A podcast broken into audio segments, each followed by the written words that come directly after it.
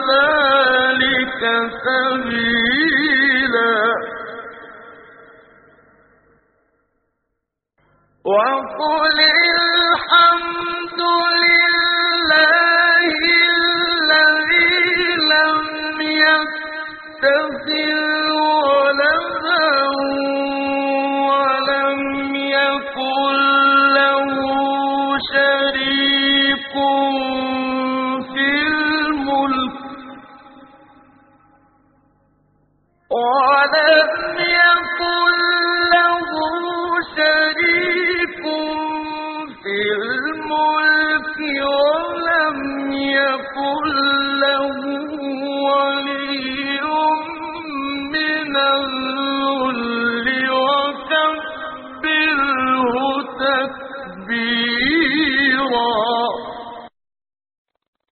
الله الرحمن الرحيم. إن الحمد لله نحمده ونستعينه ونستغفره ونعوذ بالله من شرور أنفسنا ومن سيئات أعمالنا. من يهده الله فلا مضل له ومن يضلل فلا هادي له. وأشهد أن لا إله إلا الله وحده لا شريك له وأشهد أن محمدا عبده ورسوله. أما بعد فقد رأى إخوانكم أن يكون حديثنا في هذا اليوم عن شهر سنستقبله بعد أيام. عن شهر يغفل عنه كثير من الناس. كما نص على ذلك النبي صلى الله عليه وآله وسلم. إن حديثنا عن شهر شعبان. هذا الشهر الذي ما كان النبي صلى الله عليه وسلم يصوم في شيء من الشهور كما كان يصوم في هذا الشهر. حتى قالت أم المؤمنين عائشة رضي الله عنها ما كان رسول الله صلى الله عليه وسلم يصوم شهرا كامل إلا شعبان. وفي رواية كان يصوم شعبان كله كان يصومه كله إلا قليلا. وقال بعض أهل العلم إنما كان يترك القليل منه حتى لا يتشبه برمضان أو حتى لا يتصل برمضان وإلا كان يكثر صلوات ربي وسلامه عليه من الصوم في هذا الشهر ألا وهو شهر شعبان. أولا شهر شعبان إنما سمي بهذا الاسم شعبان. كما ذكر الأزهري وصاحب الصحاح وغيرهم وغيرهما ذكروا وغيرهما ذكروا أن سبب تسمية هذا الشهر بهذا الاسم لأن العرب يتشعبون أي يخرجون من بلادهم في هذا الشهر إما بحثا عن الماء وإما للغارات يغير بعضهم على بعض كما هي عادة العرب في الجاهلية فلتشعبهم في هذا الشهر يكثرون من التشعب في هذا الشهر استعدادا لرمضان خاصة أنهم كانوا محرومين كانوا ممنوعين لأن شهر شعبان بين شهرين عظيمين كما قال النبي صلى الله عليه وسلم.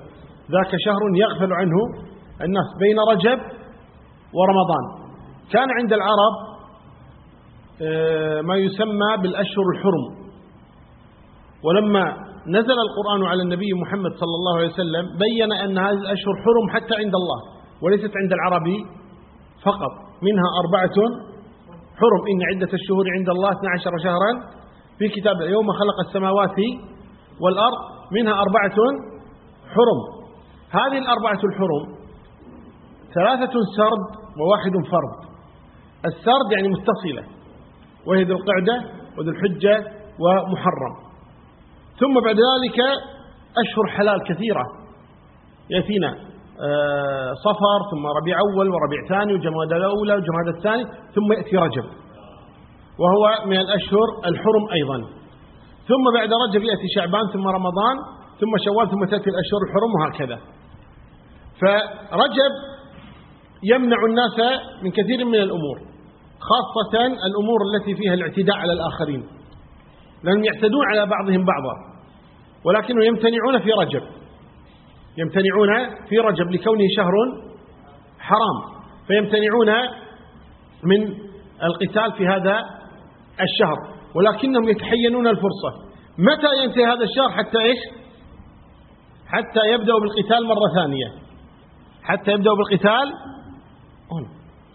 حتى يبدأوا بالقتال مرة ثانية فكانوا ينتظرونه متى ينتهي هذا الشهر.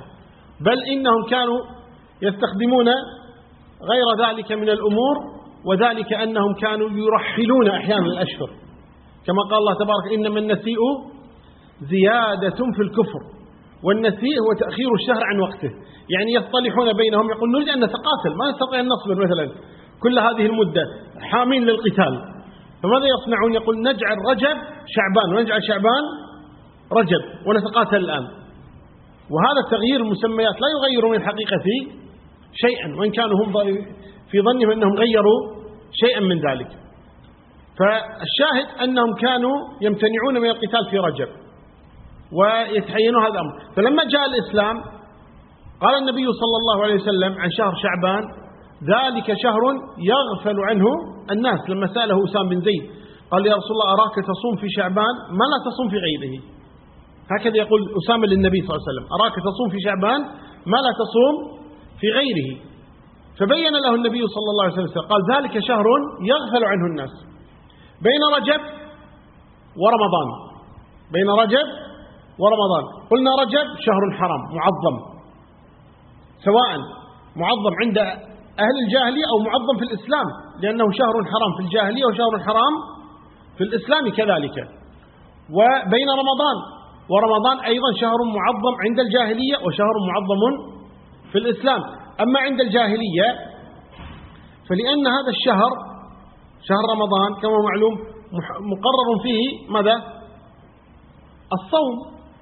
وأركان الإسلام الشهادة والصلاة والزكاة والحج والصوم هذه مقررة في جميع الشرائع. في جميع الشرائع.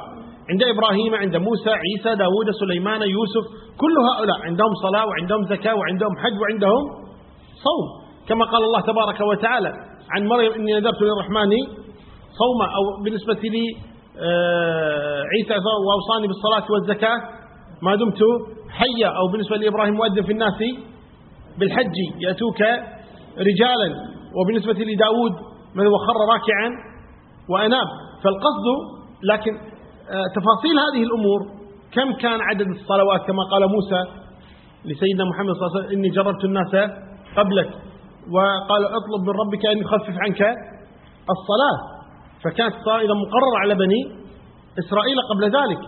لكن لا نعلم كم صلاة كم ركعة في الصلاة أوقات هذه الصلاة طريقة هذه الصلاة كذلك الصوم كم يوم يصوم آه، ما هي المفطرات من متى إلى متى يستمر الصيام كذلك الزكاة مثلا آه، ما هو نصاب الزكاة لمن تصرف الزكاة. كل هذه الأشياء لا تعرف عندنا على التفصيل. لكن نعرف على على اليقين أنهم كانوا يصومون كانوا يزكون كانوا يحجون كانوا آه، يصلون لله تبارك وتعالى. ولكن تبقى القضية إذن شهر رمضان معظم. قبل الإسلام يعني بعثة محمد صلى الله عليه وسلم وبعد الإسلام بعد بعثة محمد صلى الله عليه وسلم. فصار إذا رمضان معظما وصار رجب معظما وصار شعبان بينهما. وذكروا عن رجب أنه أرسل النبي صلى الله عليه وسلم أول سرية تقريبا وهي سرية عبد الله بن جحش. لما أرسلها النبي صلى الله عليه وآله وسلم للعلاء بن الحضرمي ومن كان معه كان معهم عير لقريش وأمرهم وهم كانوا آه، تقريبا 12 رجلا. فأمرهم النبي صلى الله عليه وسلم أن يسلكوا طريقا وأن لا يفتح الكتاب الذي معه من النبي صلى الله عليه وسلم حتى يبلغ مكانا معينا.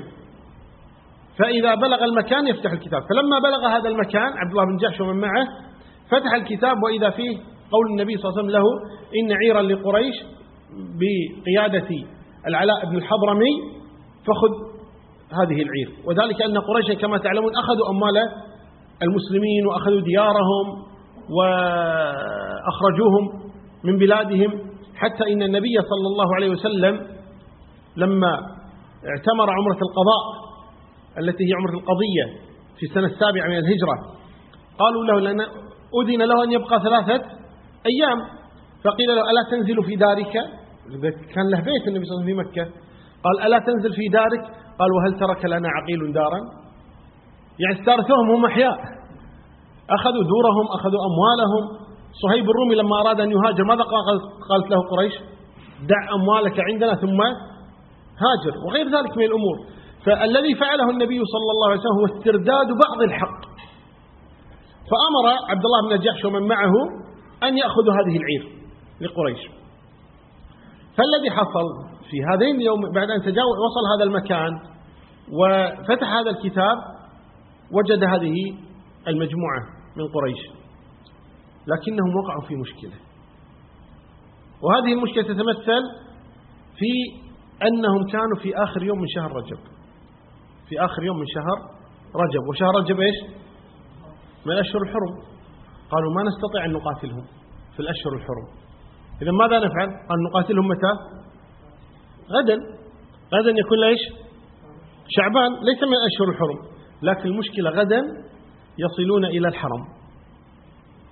لأن عندنا شهر حرام وعندنا أرض حرام. وفي حرم لا يعضد شوكه ولا يختلى خلاه. طيب. ولا تلتقط لقطته في حرم. إذا عندنا زمن محرم ومكان محرم. قالوا إذا انتظرنا إلى الغد دخلوا إلى الحرم. طيب ماذا نفعل؟ فوقعوا في إشكال حقيقة. فقال بعضهم نقاتل في الشهر الحرام. قال آخر لا نقاتل في الأرض الحرام ولا نقاتل في الشهر الحرام. قال آخر لا لا نقاتل في الشهر الحرام ولا نقاتل في الأرض الحرام. طيب ما نعصي رسول الله صلى الله عليه وسلم لأنه أمرنا إيش؟ أن نأخذ هذه العير. طيب أنا الآن سأوجه السؤال لكم أنتم الآن. لو كنت معهم ماذا أنت فاعل؟ لو قالوا لك ما رأيك في الموضوع الآن؟ ماذا نفعل؟ الرسول أمركم أن تقاتلوهم تأخذوا العير. طيب؟ وهم سيقاتلون يمنعون من أخذ العير. فهل تنتظر إلى أن يدخل البلد الحرام؟ أو تقاتل في الشهر الحرام؟ أو تترك القتال؟ تقاتل في الشهر الحرام. ما رأيك؟ في الشهر الحرام. لا لا هنا هنا هنا بالدور. تقاتل.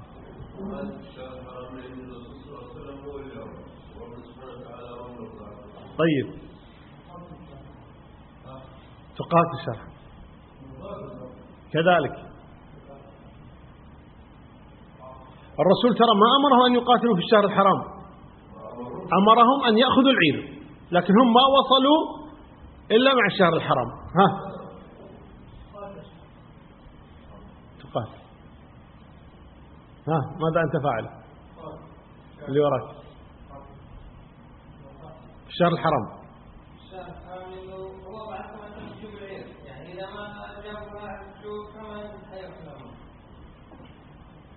ها كيف؟ تقاتل؟ ضرورة. عباد. ها؟ لا تقاتل. ماذا تفعل؟ تقاتل في أرض الحرام؟ تترك أمر النبي؟ ها؟ تمتنع عن عن القتال. تقاتل لوراك. ها؟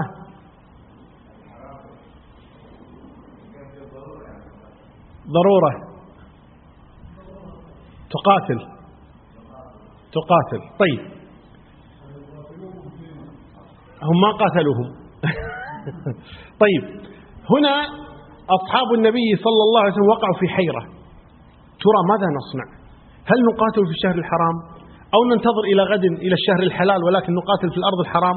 أو نترك هذا وهذا ونكون قد عصينا أمر النبي صلى الله عليه وسلم. فكان آخر رأيهم أنهم يقاتلوهم في شهر الحرام كما اختار أكثركم. فهجموا عليهم وقتلوا منهم رجلا وأسروا رجلين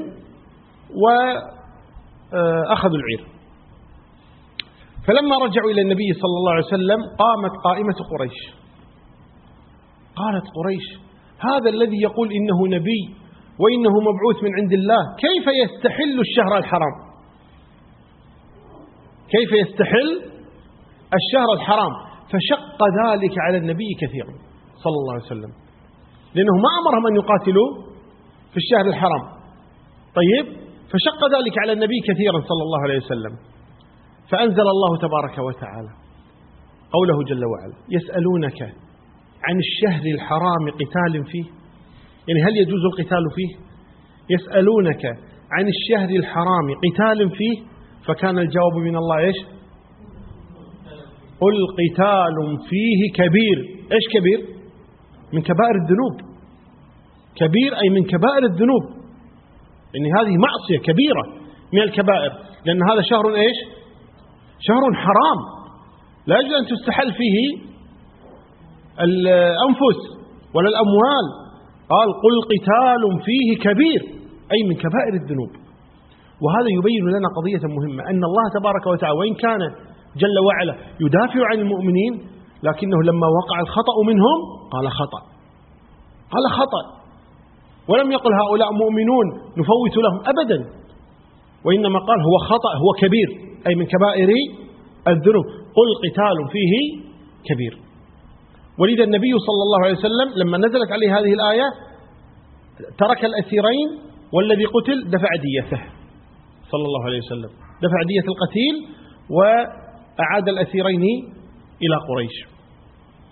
شاهد الأمر أن الله تبارك وتعالى بعد ذلك سلى نبيه محمد صلى الله عليه وسلم. قال له يا محمد وإن كان هذا الفعل وقع من أصحابك وهو خطأ قل قتال فيه كبير أي من كبائر الذنوب إلا إنه يجب عليك أن تعلم أنت وأصحابك شيئا مهما وهو ماذا؟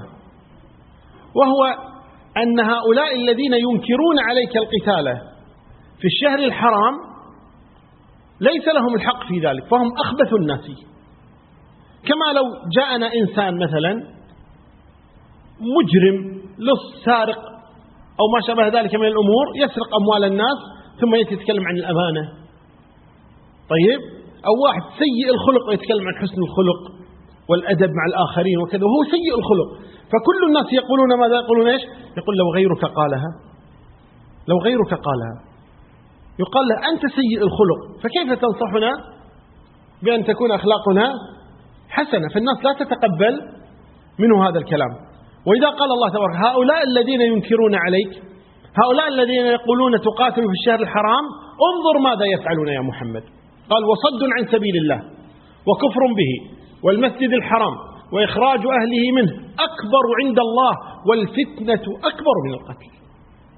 هم يصدون الناس عن الدين يصدون الناس عن المسجد الحرام يخرجون أهله منه ومع هذا كله يفتنون الناس عن دينهم ويكفرون بالله ثم ينكرون عليك لماذا تقاتل في الشهر الحرام؟ ليس هؤلاء الذين ينكرون مثل هذا الأمر. لو غيرك قالها.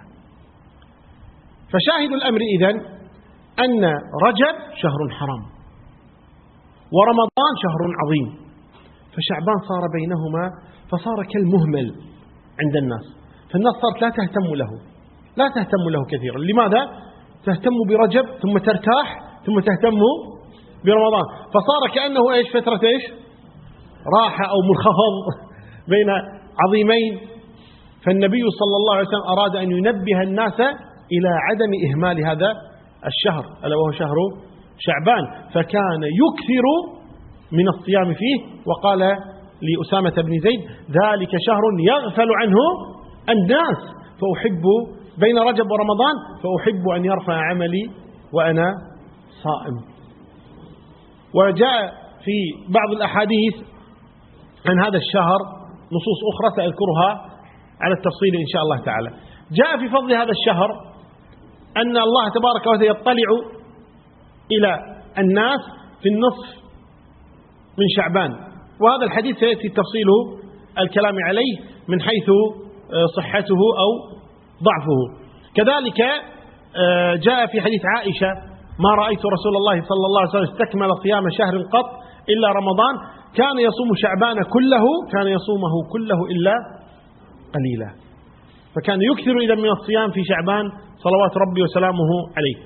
لكن هذا يشكل عليه أمر وهذا في الصحيحين حديث عائشة. يشكل عليه أمر حديث صحيح مسلم أن النبي صلى الله عليه وسلم قال أفضل الصيام صوم شهر الله المحرم. أفضل الصيام صوم شهر الله المحرم. هنا قال بعض أهل العلم كيف؟ النبي يقول أفضل الصيام صوم شهر الله المحرم. ثم ننظر إلى حال النبي كواقع عملي صلى الله عليه وسلم كان يصوم في شعبان أكثر ما يصوم في محرم والأصل أنه طالما أن محرم أفضل الصيام فيه فيكون صيام النبي موافقا لهذا الأفضل. فقالوا لماذا اختلف فعله عن قوله؟ لماذا اختلف فعله عن قوله؟ برر أهل العلم ذلك بأمور. فمن أهل العلم من قال إن النبي صلى الله عليه وسلم لم يعلم كما قال النووي لم يعلم النبي صلى الله عليه وسلم أن أفضل الصيام في شهر الله المحرم إلا في آخر حياته. لأن هذا وحي من الله تبارك وتعالى. يعني ما أوحي إلى النبي صلى الله عليه وسلم أن أفضل الصيام في محرم إلا في آخر حياته وإلا في سائر حياته كان يرى أن شعبان أفضل. هذا قول القول الثاني أن النبي صلى الله عليه وسلم آه، كان يشارك نساءه الصوم. كما في حديث عائشة يعني كنا يعني آه، لا نقضي رمضان إلا في شعبان. يعني الأيام التي تفوت النساء من حيض أو نفاس أو آه، مرض أو غير أو سفر أو غير ذلك. طيب فتقول ما كنا نقضي إلا في شعبان. فلما كنا نساء النبي صلى الله عليه وسلم صائمات ولعل هذه تصوم هذه الأيام وهذه تصوم هذه الأيام فكان يشاركهن الصوم صلى الله عليه وسلم فكان يكثر من الصوم في شعبان لأجل هذا السبب. وقال آخر من أهل العلم الأمر ليس كذلك الأمر أسهل من هذا بكثير. قلنا ماذا؟ قالوا أليس الصوم هذا من باب النافلة أو من باب الفريضة؟ قلنا النافلة. قال طالما أنه من باب النافلة فأمر النافلة إيش؟ سهل يسير. صحيح شعب محرم أفضل لكن يريد أن يصوم في شعبان. ما الذي يضر؟ ما الذي يمنع من ذلك؟ إذا صام النبي صلى الله عليه وسلم في شعبان طالما أنه ترك المستحب وليس ترك الواجب وترك المستحب مباح ولا لا؟ ها؟ ترك المستحب مباح. ولذلك أعطيكم صورة أفضل أو أوضح من ذلك. في حديث أبي ذر وحديث أبي هريرة وغيرهما أن النبي صلى الله عليه وسلم كان يوصي بركعتي الضحى. صحيح؟ نعم جاء أكثر من حديث. عن النبي صلى الله عليه وسلم فيها الوصاية بركعتي الضحى. ومع هذا تقول عائشة رضي الله عنها وما رأيت رسول الله صلى الله عليه وسلم صلاها قط. تقول لم أرى النبي صلى الله عليه وسلم الضحى قط أبدا. ما كان يصلي الضحى صلى الله عليه وسلم. بل بلغ الأمر في عبد الله بن عمر رضي الله عنه لأنه لم يبلغه حديث أبي هريرة ولا حديث أبي ذر ولم يرى النبي قط يصلي الضحى فكان إذا جاء ناس إلى المسجد وصاروا يصلون الضحى ينكر عليهم عبد الله بن عمر. بل قالوا أنه كان يرميهم بالحصى. يقول بدعة بدعة. يعني كيف تصلون في هذا الوقت؟ ما كان النبي يفعل ذلك. ما يحرص يأتي يصلي في هذا إلى هذه الدرجة. فالقصد إذن أن النبي صلى الله عليه وسلم ليس بالضرورة أن يفعل جميع المستحبات. فيبقى الأمر على ماذا؟ على الاستحباب. إن شاء فعل وإن شاء ترك. طيب ما الحكمة إذا من إكثار النبي صلى الله عليه وسلم الصوم في شعبان؟ بالذات كان يكثر كما قلنا الصوم في شعبان. قال بعض أهل العلم تعظيما لرمضان لأن هذا الشهر في استقبالي رمضان هو مقدمة لرمضان فقالوا احتراما لشهر رمضان وتقديرا لشهر رمضان وتعظيما لشهر رمضان كان النبي صلى الله عليه وسلم يصوم شعبان تقدمة لرمضان. وقال آخرون من أهل العلم لا بل هذا على سبيل التدريب. على سبيل ماذا؟ على سبيل التدريب الإنسان يتدرب حتى إذا جاء رمضان ما يشعر ما يشعر بإيش؟ بثقل الصوم الآن من من أثقل الناس صوما؟ اللي مو متعود على الصيام. الذي لا يصوم نافلة إذا جاء رمضان يحس أن الحياة تغيرت. كل يوم ياكل كل يوم ياكل كل يوم ياكل. جاء هذا الشهر ما في أكل. لكن لو هو متعود على الصيام يصوم ثلاث أيام من كل شهر أو يصوم اثنين وخميس أو يصوم البيض أو يصوم يوما يفطر يوما أو يصوم متى تهيأ له ذلك. طيب فمتعود على الصيام ما عنده أي مشكلة مع الصيام.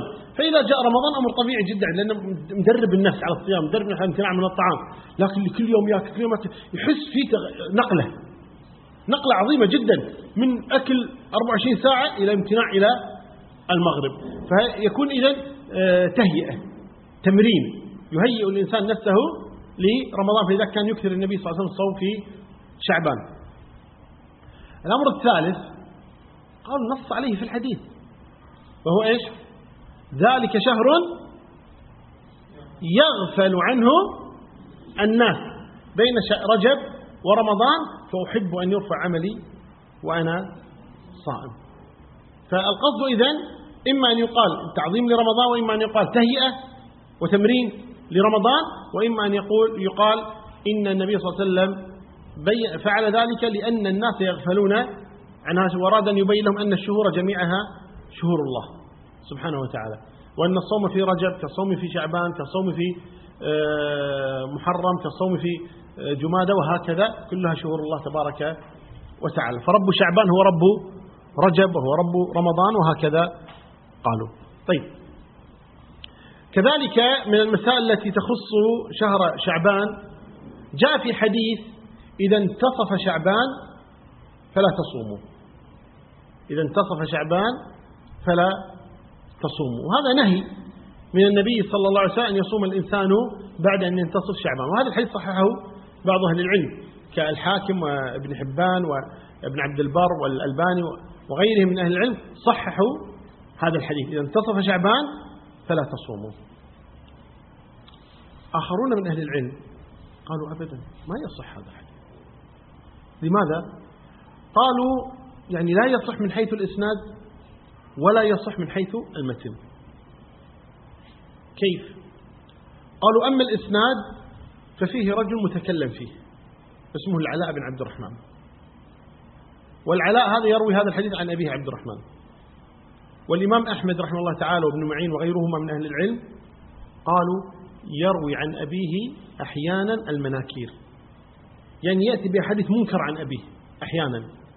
فلذلك إذا روى عن غير أبيه قبل حديثه. إذا روى عن أبيه تركدوا شوي في الحديث. لأن أحيانا يروي عن أبيه إيش؟ منكرات أشياء غريبة يعني. لا يفرق عليها أحد.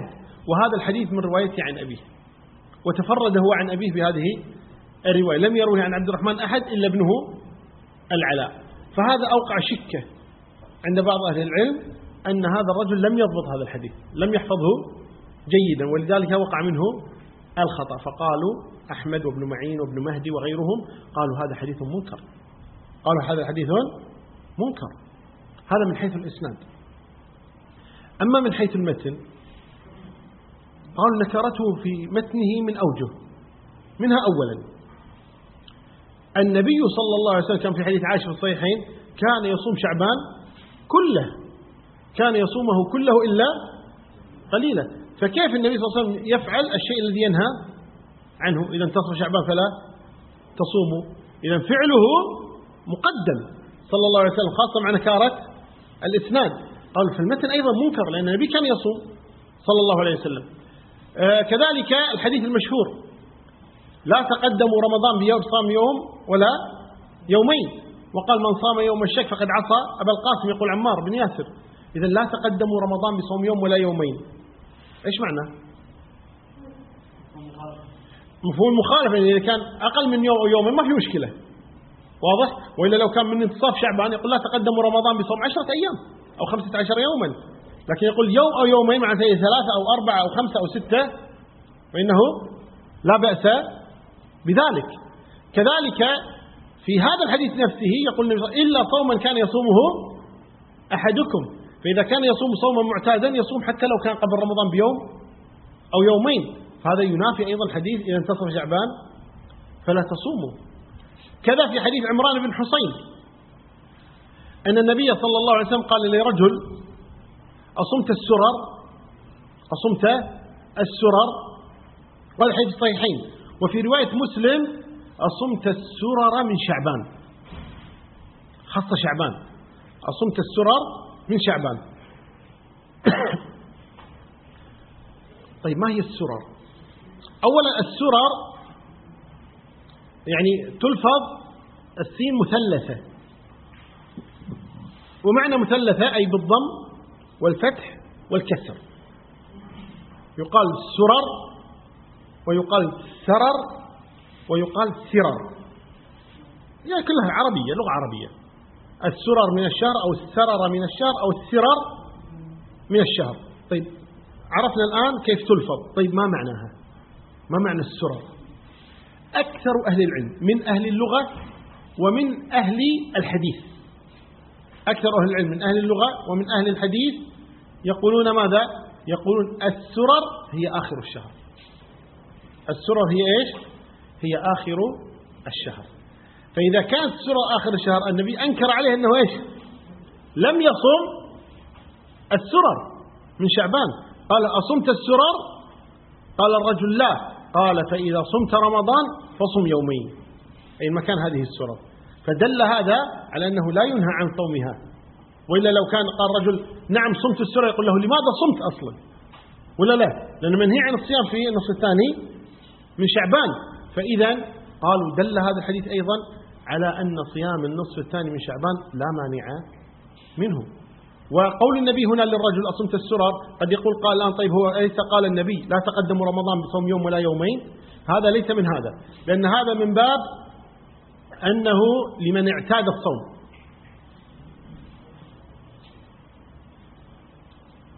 خرب. هذا لمن اعتاد الصوم هذا لمن اعتاد الصوم.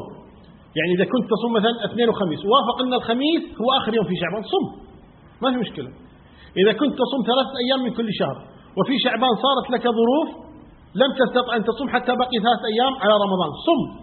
هذه الأيام الثلاثة وهكذا. فإذا كان الإنسان يصوم صوما معتادا فلا مانع من ذلك.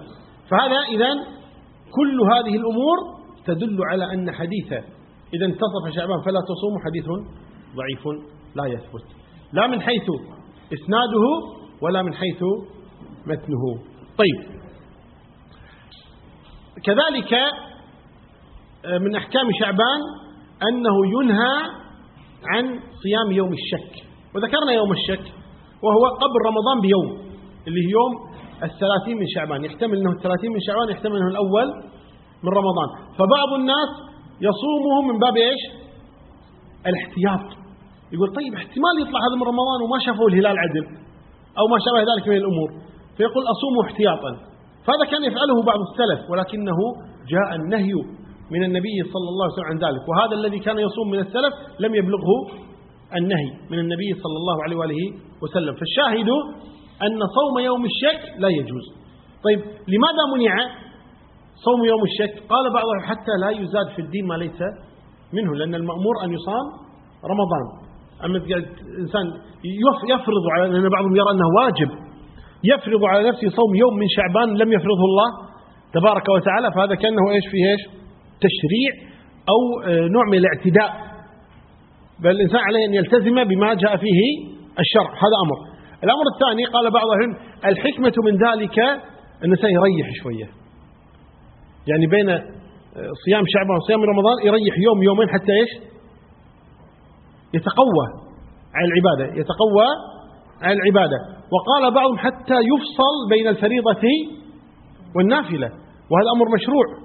أمر مشروع أن يفصل بين الفريضة والنافلة. كيف؟ قالوا في الصلاة مثلا النبي صلى الله عليه وسلم نهى أن تتبع النافلة أن تتبع النافلة الفريضة. نهى عن ذلك صلى الله عليه وسلم. حتى لا تشتبه بها خاصة أن بعض الجهل من الناس عندما يرى الإنسان يصلي النافلة الفريضة ثم يصلي النافلة مباشرة يظن أن الصلاة ست ركعات مثلا. طيب لأنه راه يصلي بهذه الطريقة. فلذلك قال افصل بين النافلة والفريضة وجاء في الحديث حتى يفصل بينهما بسلام أو كلام. وقال بعضهم يفصل بينهما بسلام أو كلام أو تغيير مكان. إذا أردت أن تصلي لو فرضنا قدر أن أحدنا كان مستعجلا. عنده ظرف طارئ أو ما شابه ذلك من الأمور وصلى الفريضة المغرب أو العشاء أو الظهر مثلا ويريد أن يصلي النافلة مباشرة حتى يخرج إلى عمله الذي يريد. طيب؟ فسلم يريد أن يصلي النافلة. يقول على الأقل على الأقل غير مكانك حتى لا تشتبه النافلة بالفريضة. فالقصد إذن الفصل بين رمضان وشعبان إذن إما أن يكون حتى لا تشتبه النافلة بالفريضة أو حتى يرتاح قليلا أو حتى لا يزاد في دين الله ما ليس منه. طيب. بالنسبة آه، لصوم شعبان ومحرم. ابن عبد البر آه، عفوا ابن رجب رحمه الله تعالى له توجيه طيب. يقول أنا لا أوافق على أن صوم شعبان آه، محرم أفضل من صوم شعبان. كيف؟ يقول لأن النبي صلى الله عليه وسلم فعل الأفضل. صوم شعبان أفضل من المحرم. طيب وأمر النبي صلى الله عليه وسلم أفضل الصوم بعد رمضان شهر الله المحرم. قال هذا نعم في البيض وليس في كل الأيام. هذه وجهة نظر ابن رجب على كل حال. لكن أهم, أهم من وجهة نظره توجيهه رحمه الله تعالى. ماذا وجه؟ قال الآن الفريضة فرائض الصلاة مثلا الصلوات الخمس. الصلاة الخمس أليست تحيط بها سنن رواتب قبلية وبعدية ولا لا؟ يعني الفجر سنة إيش؟ قبلية الظهر قبلية وبعدية العصر ليست له سنة. المغرب بعدية العشاء بعدية. يقول السنن الرواتب أفضل من النفل. السنن الرواتب أفضل من النوافل المطلقة. الرواتب أفضل من الرواتب من النوافل المطلقة. لماذا صارت أفضل؟ قال لقربها من الفرائض. كلما قربت السنة من الفريضة كلما كانت إيش؟ أفضل. أيهما أقرب شعبان أو محرم لرمضان؟ شعبان. شعبان أقرب إلى رمضان من محرم. فقال إذا الصوم في شعبان. ولذلك كان الصوم في شوال أفضل. لما كان شوال وشعبان محيطين برمضان صار صومه أفضل من محرم الذي هو بعيد عن صوم الفريضة الذي هو رمضان. أوجد نظر للإمام بن, عبد آه، بن رجب رحمه الله تبارك وتعالى. آه، بالنسبة لسلفنا الصالح رحمه الله تعالى من العلماء وغيرهم بالنسبة لشهر رجب كانوا يقولون شهر شعبان يقول شهر شعبان شهر القرآن. وذلك لحرصهم على قراءة القرآن فيه وبعضهم يقول شهر القراء. يعني القراء هنا يتفرغون لقراءة القرآن. يقول آه، أبو بكر البلخي يقول شهر رجب شهر الغرس. تغرس فيه رجب تغرس فيه. يقول وشهر شعبان شهر السقي. وشهر رمضان شهر الجني.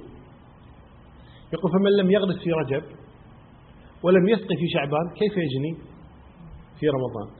وذلك رمضان سيكون عليه ثقيلا كما قلنا قبل قليل. إذا كان لم يهيئ نفسه سواء بالقرآن أو في الصيام طيب أو في قيام الليل أو كذا فيأتي رمضان يشعر فيه بثقل لأنه تغير حياته تماما.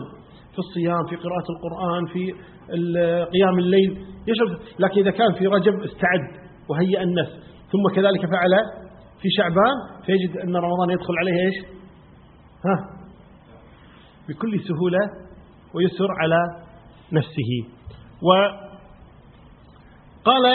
عمرو بن قيس الملائي أو كان عمرو بن قيس الملائي إذا دخل شعبان أغلق حانوته دكانه يغلق دكانه ويقول هذا شهر قراءة القرآن ويتفرغ لقراءة القرآن في هذا الشهر. والحسن بن سهل يقول قال شعبان يا ربي جعلتني بين شهرين عظيمين يعني ضايع بين شهرين عظيمين الذين هما ماذا؟ رجب ورمضان. طيب فأوحى الله إليه يقول جعلت فيك قراءة القرآن. ثم يقول الحسن بن سهل فما فيا من فرط في الأوقات الشريفة وضيعها وأودعها الأعمال السيئة وبئس ما استودعها. طبعا هذا ليس حديثا. طيب وإنما هذه يعني مقولة له كأنه يقول أن شعبان اشتكى إلى الله فرد الله عليه يكفي كأنك شهر القرآن. والشعبي رحمه الله تعالى كان يقول لبعض تلاميذه كن ربانيا ولا تكن شعبانيا. كن رباني ولا تكن ما مفهوم هذا الكلام؟ أنهم كانوا يجتهدون في شعبان جدا. إذا قالوا طيب أنت اجتهدت في شعبان؟ استمر. فرب شعبان هو رب رمضان وهو ربه شوال وذي القعدة وذي الحجة وهكذا. استمر على هذه الطاعة. فكونه يقول له كن رباني ولا تكن شعبانية فمعناها أن شعبان كان إيش؟ كانوا يحرصون على العبادة فيه. وإذا قال بعضهم مضى رجب وما أحسنت فيه وهذا شهر شعبان المبارك فيا من ضيع الأوقات جهلا بحرمتها أفق واحذر بوارك فسوف تفارق اللذات قهرا ويخلي الموت ويخلي الموت كرها منك دارك تدارك ما استطعت من الخطايا بتوبة مخلص واجعل مدارك على طلب السلامة من جحيم فخير ذوي الجرائم من تدارك. فعلى الإنسان حقيقة الآن الوقت في سعة. نحن ما زلنا في رجب وشعبان على الأبواب فالإنسان يتدارك. الآن ما يمكنه أن يقوم به في هذا الشهر العظيم ألا وهو شهر شعبان. بقي علينا ننبه إلى بعض بدع هذا الشهر. لأن بعض الناس يعني بالغ في العناية بشعبان حتى أوقع نفسه في البدع.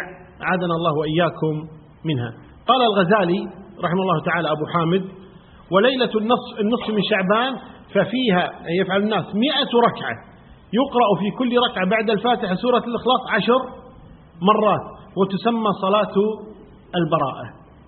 قال الإمام النووي رحمه الله تعالى وهذه الصلاة بدعة منكرة قبيحة.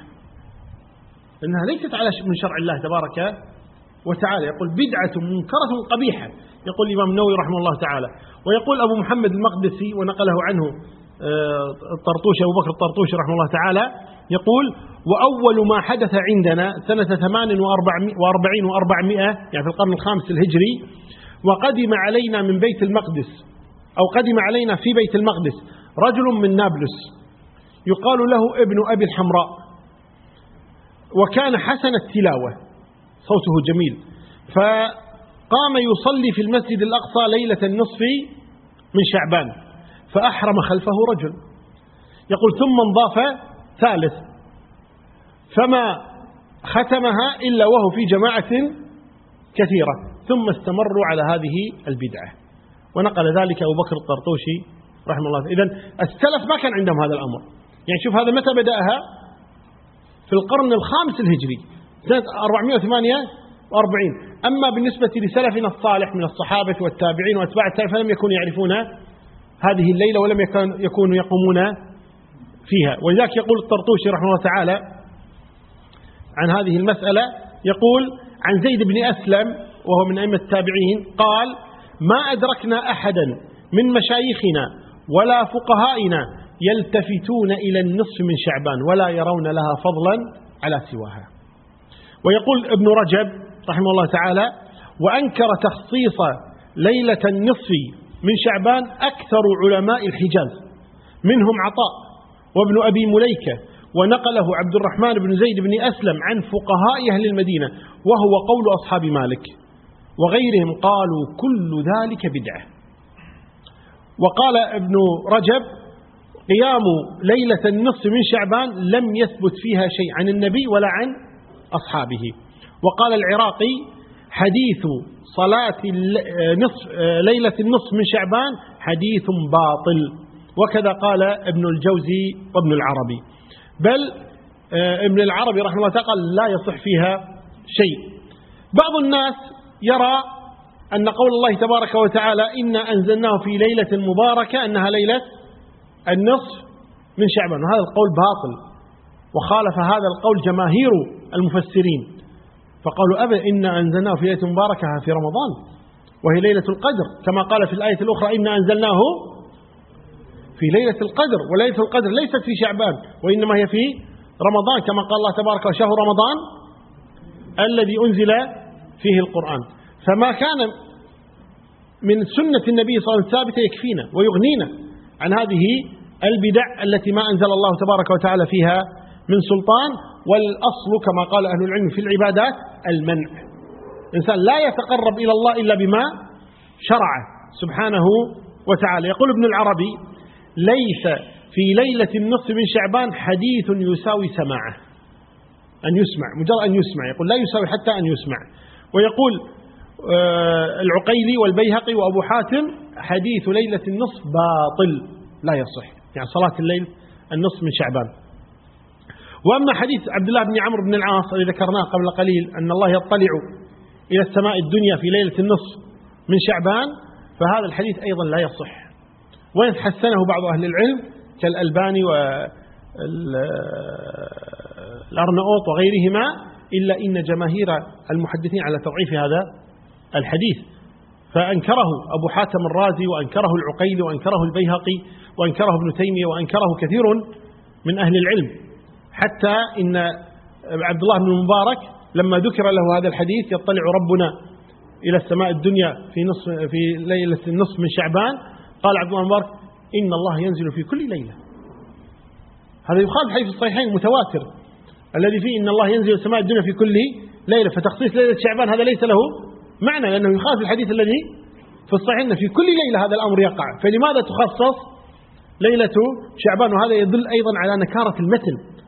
نفس متن الحديث يكون إيش؟ يكون منكرا. هذا إذا أضفنا إليه ضعف إسناد الحديث. الحديث ليس له إسناد يصح. ليس للحديث إسناد يصح وإنما صححه من صححه من أهل العلم بكثرة الطرق. يعني طريق مع طريق مع طريق مع طريق فقالوا هذه الطرق يقوي بعضها بعضا. أما أنه حديث واحد بإسناد واحد صحيح لا يوجد لا يوجد.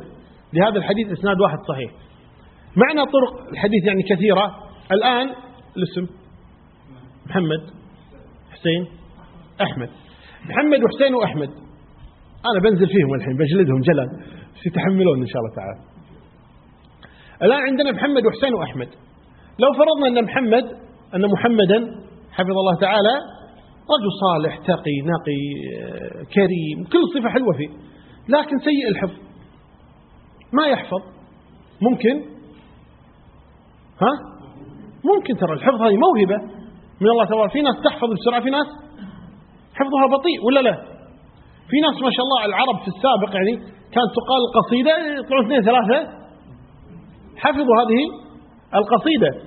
بل إنه يعني من طرائف ما يذكر من الروايات أن أحد الخلفاء خلفاء بن, أمي بن العباس أظنه المأمون طيب كان عنده خادم يحفظ القصيدة بمجرد أن يسمعها مرة واحدة.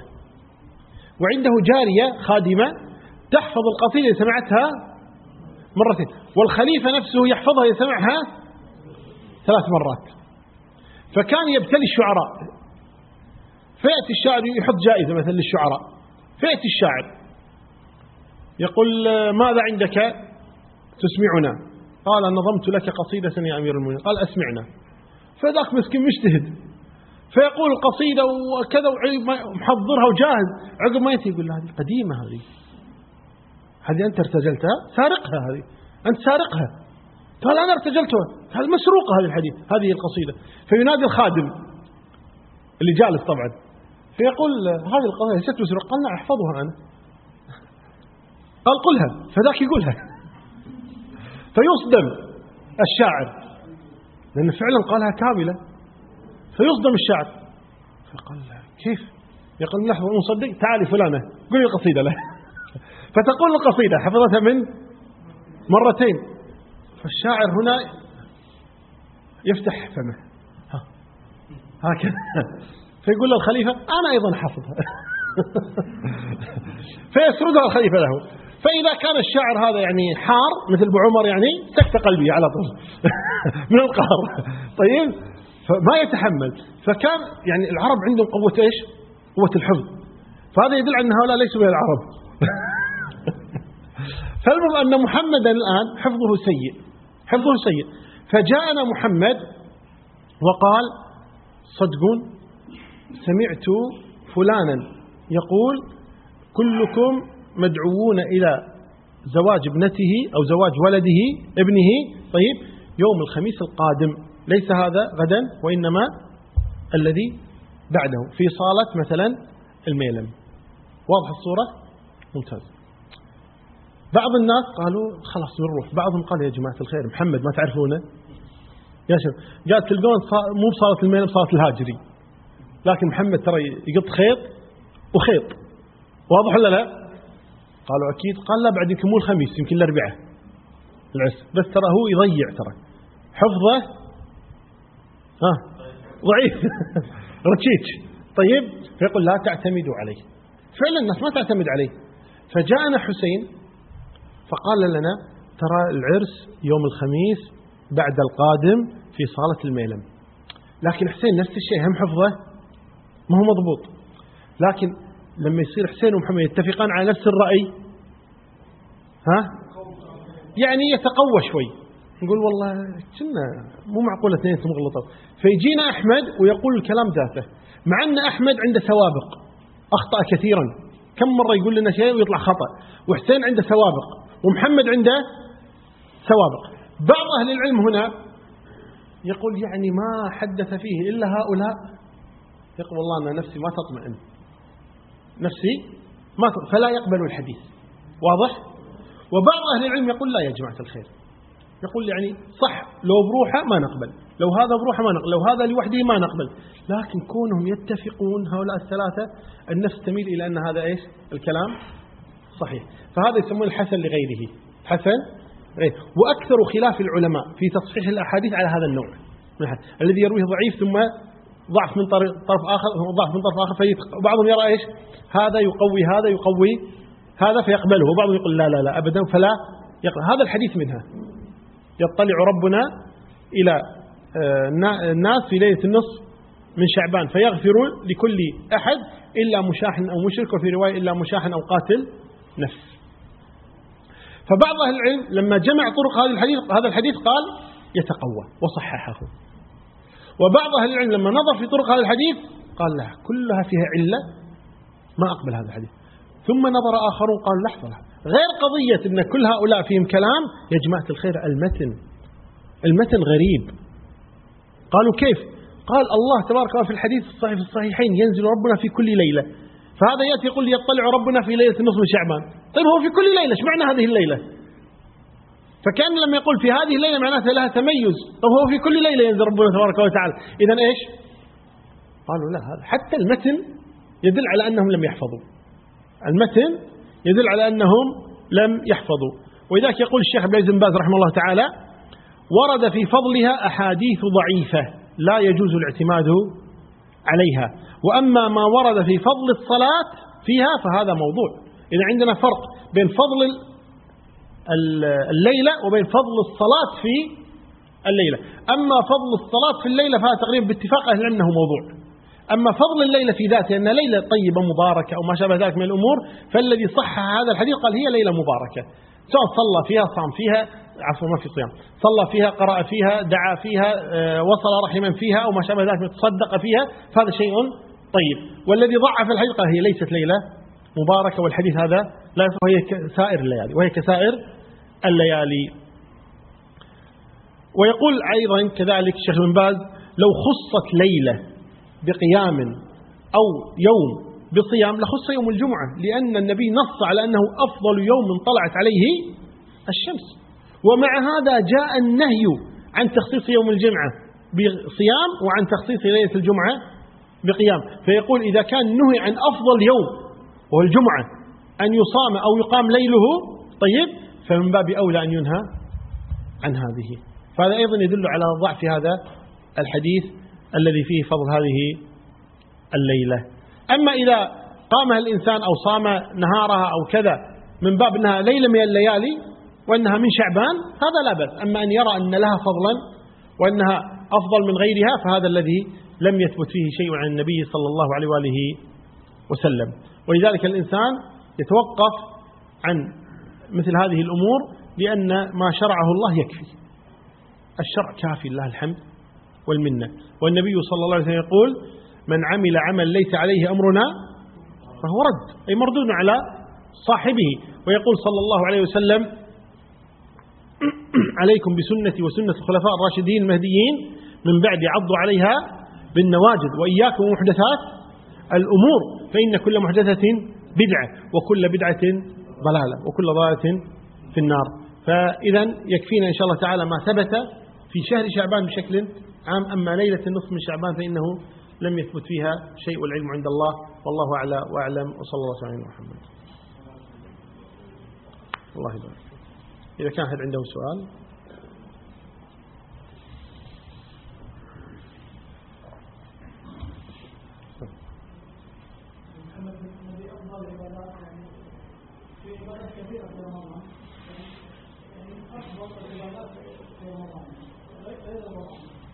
غير الصيام.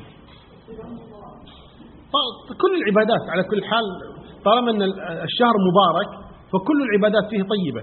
الصيام الصدقة الدعاء الذكر صلة الأرحام بر الوالدين التبتل الله تبارك وتعالى التفكر في خلق الله جل وعلا. كل هذا من العبادات الطيبة إن شاء الله تعالى في رمضان. هنا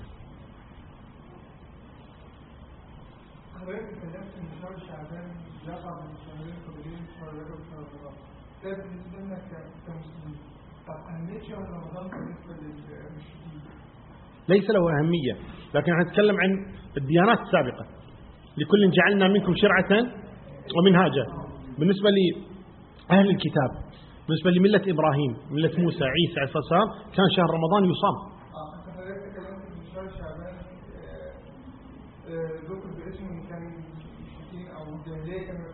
يتشعبون يخرجون للغزو لأنهم كانوا مريحين في رجب ممنوع عليهم القتال في رجب. فمجرد أن ينتهي رجب يبدأون يعني يبردون كبدهم مثل ما يقولون يعني يبدأ يقاتل يبدأ كذا. أي نعم الله يبارك.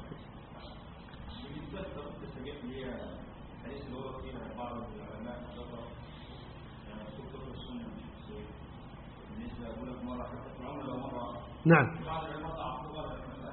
هو كذلك نفس نفس حديث يطلع الله إلى الناس ليلة النصف من شعبان. أيضا ليس له إسناد واحد صحيح وإنما له مجموعة أسانيد. فبعض العلم يرى أن مجموعها تصح وبعضهم يرى أن مجموعها لا يصح العد ثم أيضا نظر آخرون إلى المتن. فقالوا متنها غريب. لا تعرف صلاة بهذه الطريقة. أنها يعني 15 آه، مرة آه، يقرأ تسبيحات 15 مرة وطريقة القراءة. وصلاة مرة في العمر. يقول حتى المتن يرون أنه منكر. قد جاء ابن تيمية وغيره قال أنه مكذوب. هذا الحديث يعني عن النبي صلى الله عليه وسلم. يقول المتن فيه نكار يعني. وهذا الأقرب الله عنه لا تصح.